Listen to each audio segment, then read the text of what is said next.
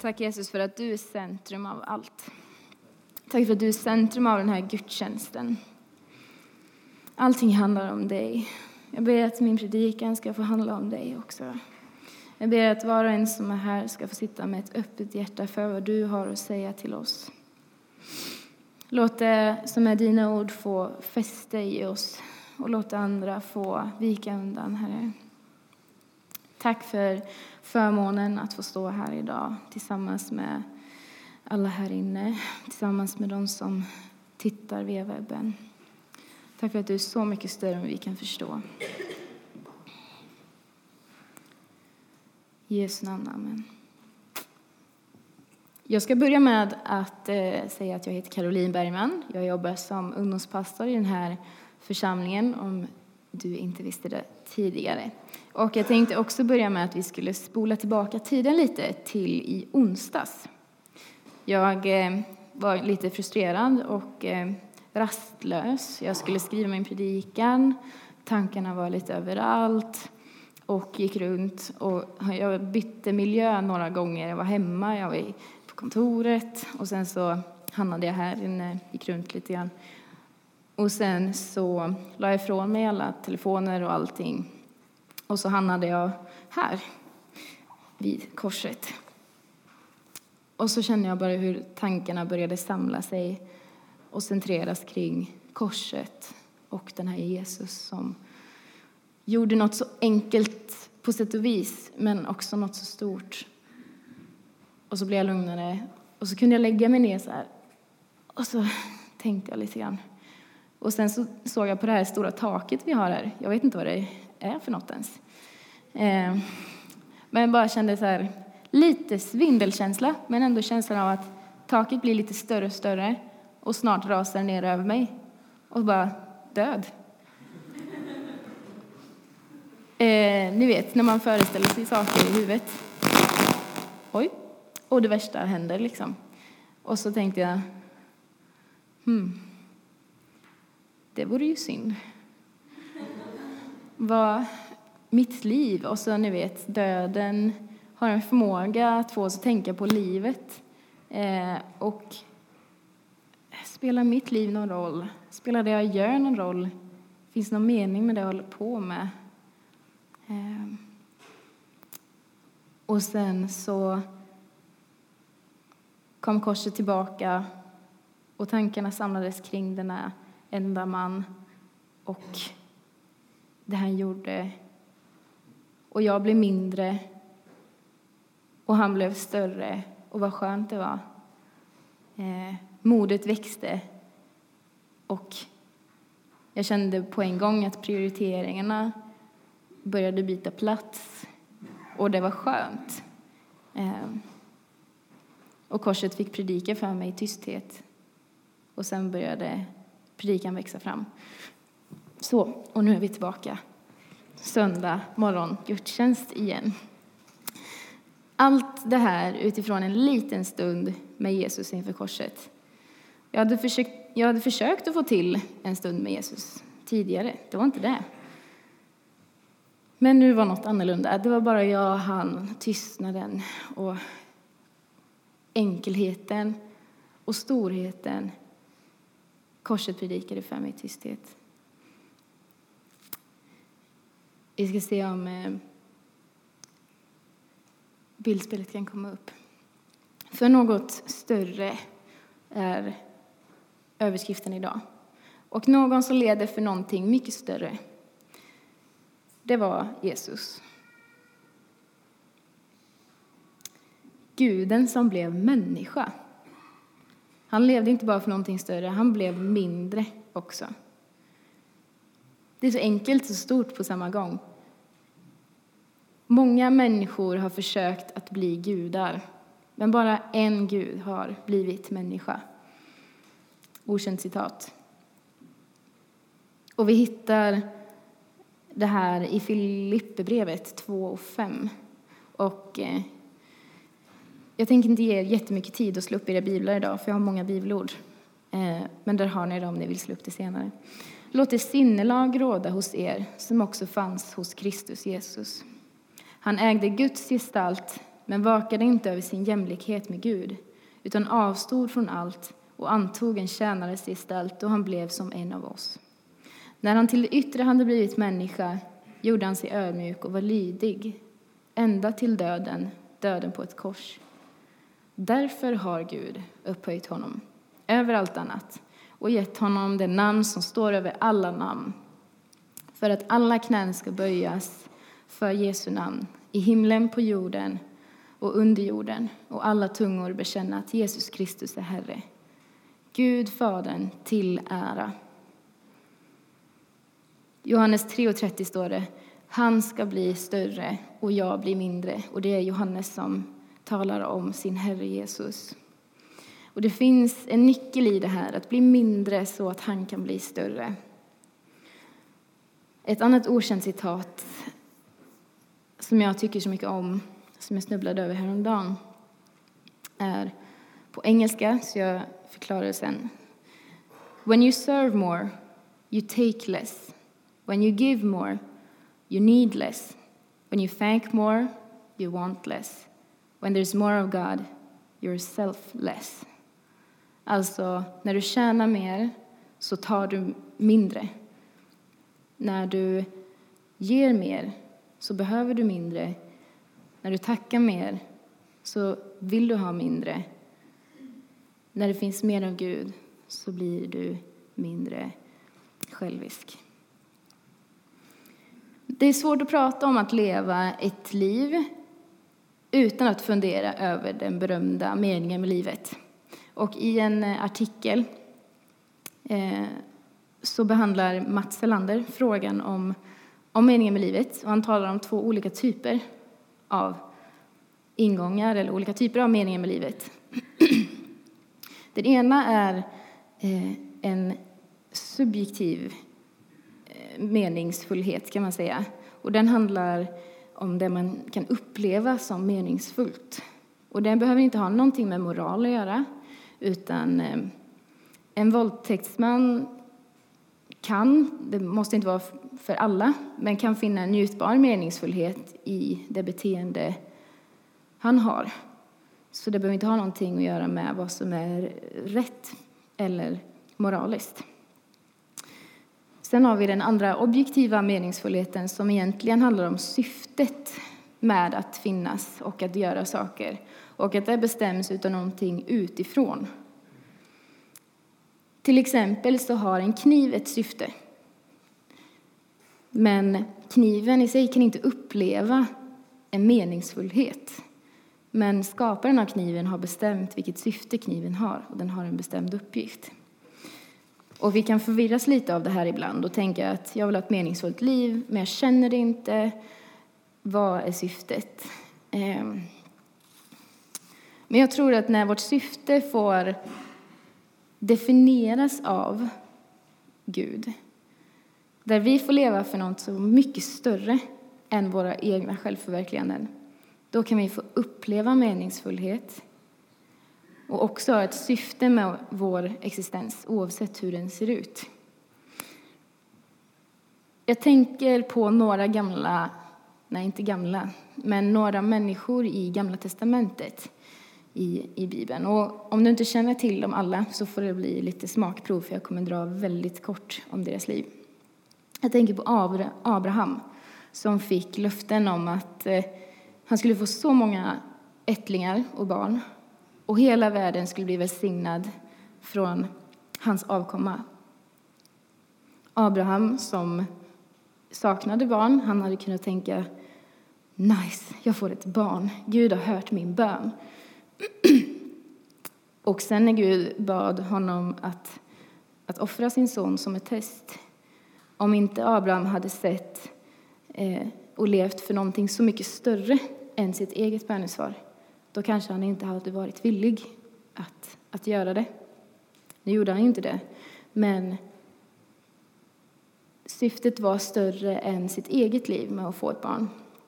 Jag tänker på Josef som blev såld till slav för att sen bli mäktig i Egypten och få ett land för sitt folk.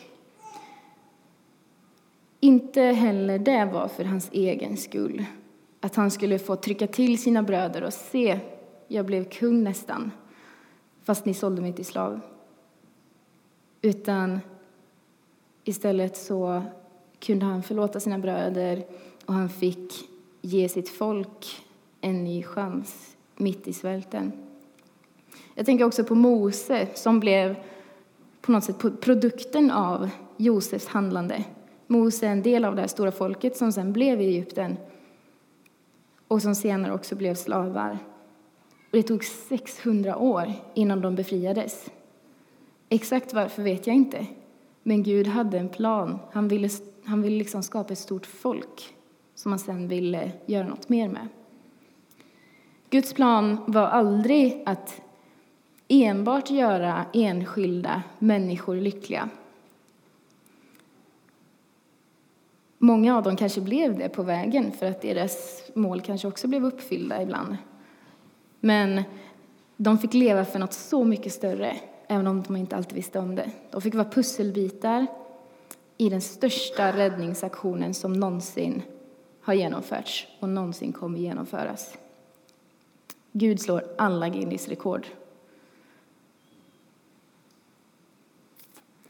Jag tänker också på några människor som har levt eh, för någonting mycket större, som har gjort sig själv mindre i världens ögon sett, eh, men levt för något så mycket större. Och sen i slutändan faktiskt också blivit så mycket större, för att de först blev mindre. Och det här är exempel på människor jag läst om, själv känner eller har hört om. Till exempel en förtryckt jude som förlåter en tysk officer. Ett annat exempel är en svag och sjuk människa på sjukhuset som väljer att be för sina barnbarn och väljer att välsigna sina eh, vårdare, välsigna personalen. Vi har aldrig varit så välsignade, säger personalen. Ett annat exempel är ett välbärgat par. Alla de här är troende. Ett välbärgat par som börjar bli äldre, de har mycket pengar och de väljer att bygga ett drömhus som i ett paradis på ön Kauai som är tillägnat ensamma, ensamstående människor, kvinnor eh, och utsätter barn, ideella volontärer, bara för att välsigna andra. Vi har exemplet på en helt ensam och fattig fåraherde vid namn David i Gamla testamentet. Han är helt ensam och jobbar med sina får i bergen. Och han slungas mellan förtröstan och förtvivlan. Men så han, han byggs upp som person under de här åren för att kunna vara en kung värdig sin uppgift. Och hela tiden så är det i relation till sin Gud som man genom allt det här älskar och finner tröst hos. Vi har en bonde som vårdar sin jord, både eh, djurjord men också sin jord på marken. Eh, istället för att utarma jorden så väljer han att skapa med Gud så att jorden får fortsätta leva och frodas. Och vi har en Rosa Parks som valde att sitta ner i en buss så att världens svarta och kvinnor och förtryckta kunde välja att stå upp i framtiden. De levde för något så mycket större, även om de själva kanske fick skit för det i den situationen. De här levde meningsfulla liv trots att de inte kanske verkade vara präglade av den lycka som vi tänker är sammanknippat med ett meningsfullt liv. Så vem kan leva ett meningsfullt liv? Vem kan leva för något så mycket större? Kan alla göra det? Jag tror att ja, alla som tror kan leva ett liv för Guds ära. Oavsett om du är en del av den här församlingen, där många av oss är väldigt privilegierade, eh, eller om du är född i ett utvecklingsland någonstans. Att leva med fysisk hälsa, att ha en frisk familj, att sitta på mycket kunskap, att känna sig älskad av ens eh, familj eller vänner, att vara ekonomiskt oberoende, sånt som annars ofta räknas till att leva fritt och meningsfullt, är ofta, inte alltid, men ofta en klassfråga. Men att vara frälst, det är ingen klassfråga. Frälsningen finns för vem som helst, vart du än bor, vart du än är född. Frälsningen beror varken på om du är man eller kvinna, om du är slav eller fri, om du är jude eller grek, utan det beror på Jesu verk på korset och ingenting annat. Och ingenting, ingenting kan ta bort det. Så därför kan vi alla leva fria och meningsfulla liv. Och jag skulle vilja läsa ett ganska, kanske provocerande, men också befriande eh, bibelord på det här. Första Petrus 2, 15 och 25. Till sådan är Guds vilja. Genom att göra det goda ska ni tysta munnen på de okunniga och tanklösa. Var fria människor, men missbruka inte er frihet till att göra det onda, utan var tjänare åt Gud. Hedra alla, älska era trosbröder, frukta Gud och ära kejsaren. Ni som är slavar, underordna er era herrar Lid och respektera dem, inte bara de goda och hyggliga, utan också de orättvisa. Den som härdar ut i oförtjänta lidanden därför att han har Gud för ögonen, han gör något stort. Vad är det för berömvärt att tåligt ta emot hugg och slag när ni har felat? Men om ni står ut med att misshandlas när ni gör rätt, då är det något stort i Guds ögon. Det är vad ni har kallats till, ty också Kristus led för er skull och gav er ett exempel för att ni ska följa i hans fotspår. Han begick inte någon synd och svek fanns inte i hans mun. Han svarade inte med skymford när han skymfades. Han svarade inte med hotelser när han fick lida. Han överlät sin sak åt honom som dömer rättvist. Våra synder bar han i sin egen kropp upp på träpålen för att vi skulle dö bort från synden och leva för rättfärdigheten. Genom hans sår har ni blivit botade. Ni var som vilsegångna får, men nu är ni vänt tillbaka till era själars herde och vårdare. Är det här tråkigt liv? Nej, det är storslaget. Är det ett jobbigt liv? Ja, det kan det absolut vara. Är det ett sätt att försvara dem som förtrycker? Nej, det står på otaliga ställen i Bibeln att Gud avskyr ondskan. Nej, det här är tröst, det är hopp och det är uppmuntran till varje troende att finna mening och syfte med sitt liv oavsett vilka omständigheter man står i.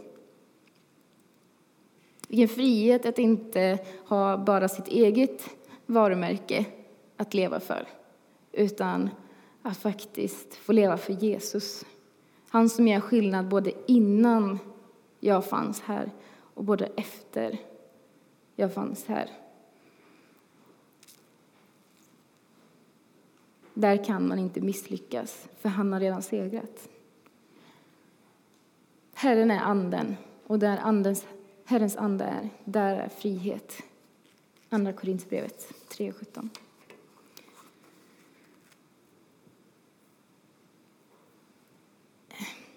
Det kan vara lite provocerande det här att göra sig själv mindre. Jag är med i en jättehärlig grupp på Facebook som eh, heter Heja livet för kvinnor i Sverige. Jättemånga medlemmar där, som delar med sig av allt från jobbtips till otroligt tunga erfarenheter. Eh, men både där och i många självhjälpsböcker så handlar det väldigt mycket om att du kommer hitta du måste hitta styrkan i dig själv. Du måste bara bry dig om dig själv. Och det finns de som behöver höra att de behöver få bry sig om sig själva lite också. Det säger jag inte att det inte är så. Men det kan få en att undra över när Jesus ber oss att leva för andra och inte för oss själva. Eh, är inte det slitsamt? Kommer jag inte bränna ut mig? Vad händer med mig? Blir jag inte trampad på? Det går ju rakt emot alla råd som vi hör numera. Och då har jag ett eh, citat som jag kommer tillbaka till ibland, som kommer upp här. If you don't live by the praise of men, you won't die by their criticism.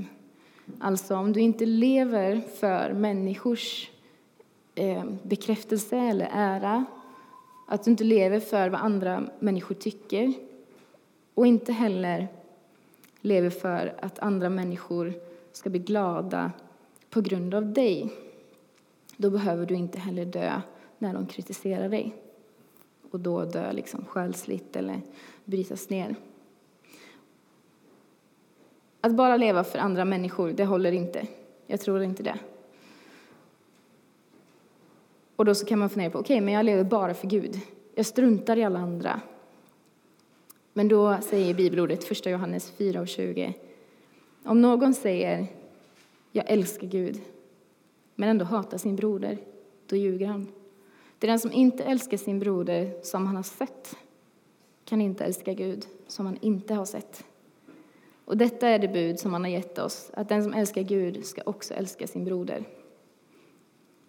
Jag plus Gud plus andra är lika med sant. Det hänger ihop på något sätt. Vi kan inte bara leva för mig, för oss själva. Vi kan inte bara leva för Gud utan att tänka på mig och andra. Vi kan inte bara leva för andra och inte tänka på Gud eller mig. Utan det är någon slags ekvation som mår bäst av att inte plocka bort något av det. Och för dig som är trött så vill jag komma med trösten att du har inte du har friheten att inte behöva se allt resultat nu. Jag tänker på de här eh, israelerna, judarna som var i Egypten och väntade i 600 år på att få befrielse. De fick leva för något så mycket större. De fick leva för befrielse för hela världen. De fick vara en pusselbit för att hela världen skulle få befrielse. Och kraften behöver inte komma från dig själv. Den kommer från Gud. Och det här är ett av mina sista bibelord som jag kommer att berätta idag. Och det är sjukt bra. Romarbrevet 12 och 2 och framåt. Nej, Andra Korinthierbrevet 4 och framåt. Jag förkunnar inte mig själv, som vi pratat om, utan Jesus Kristus. Han är Herre och jag är er tjänare för Jesus skull.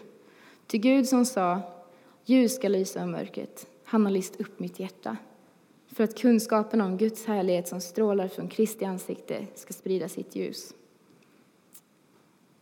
Men denna skatt har jag i lerkärl för att den väldiga kraften ska vara Guds och inte komma från mig. Alltid är jag ansatt, men inte kringränd. Jag är rådvill, men inte rådlös. Jag är förföljd, men inte övergiven. Jag är slagen till marken, men inte förlorad. Allt detta sker för er skull, för att nåden ska nå allt fler och hos allt fler väcka en överflödande tacksamhet till Guds ära. Därför ger jag inte upp. Även om min yttre människa bryts ner förnyas min inre människa dag för dag. Mina kortvariga lidanden väger ju oändligt lätt mot den överväldigande, eviga härlighet de bereder åt mig som inte riktar blicken mot det synliga utan mot det osynliga. Det synliga är förgängligt, men det osynliga är evigt. Det är Paulus som skriver det här mitt i hans lidelse för evangeliet. Ehm, och han riktar blicken mot att leva för någonting så mycket större än det han upplever just nu. I Romarbrevet 12 och 2 står det anpassa er inte efter den världen, denna världen, utan låt er, låt er förvandlas genom förnyelsen av era tankar vår yttre människa må brytas ner, men vår inre människa kan alltid förnyas, oavsett ålder, oavsett omständigheter.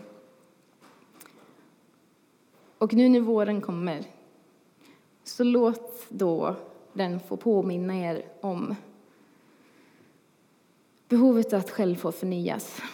Vi glider så lätt med i den här världen och vad som hör en till. Sjukdomar, krav, våra egna projekt som måste ros i hamn innan deadline.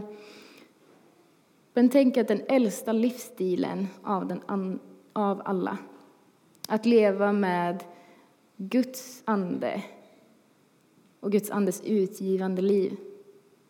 Att bli så liten som möjligt så att Gud kan bli så stor som möjligt.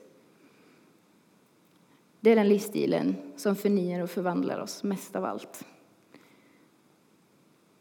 Och jag lämnar er med en fråga. Hur kan du låta dig förnyas i vår? Vi eh, ber tillsammans och tackar för dem som har gått före, tycker jag. Som har levt för någonting större, så att vi kan få skörda av det. Tack Herre för att dina planer är så mycket större än våra. Att ett liv för dig är så mycket större än ett liv för mig. Och jag tackar dig för friheten som kommer med det. Så att vi inte behöver vara bundna till att jag själv måste lyckas. Så att vi sen känner att det är helt värdelöst när jag inte lyckas. Utan du har redan lyckats, du har redan segrat och det kan vi få leva på. Vi kan stå på det, vi kan leva för det. Ja, Jesus. Jag tackar dig för alla här inne som känner att ja, jag vill bara fortsätta leva så här. Jag har fått tag på det och jag vill fortsätta på samma väg. Jag tackar dig för dem som sitter här inne och brottas med meningen med livet just nu. Och jag tackar dig för att du vill möta dem, vill ta emot dem, Herre. Jag tackar dig för att du möter oss alla där vi är, inte där vi låtsas vara. Jag tackar dig att det finns mening för alla, oavsett om vi känner oss lyckade eller inte. Oavsett vart vi bor, vart vi lever, vad vi har för omständigheter. Och jag ber om kraft och mod att gå in i det här för de som känner att det bultar inombords just nu. Att du leder oss in i nästa steg, leder oss in i ett liv som är för dig, som är så mycket större än våra egna.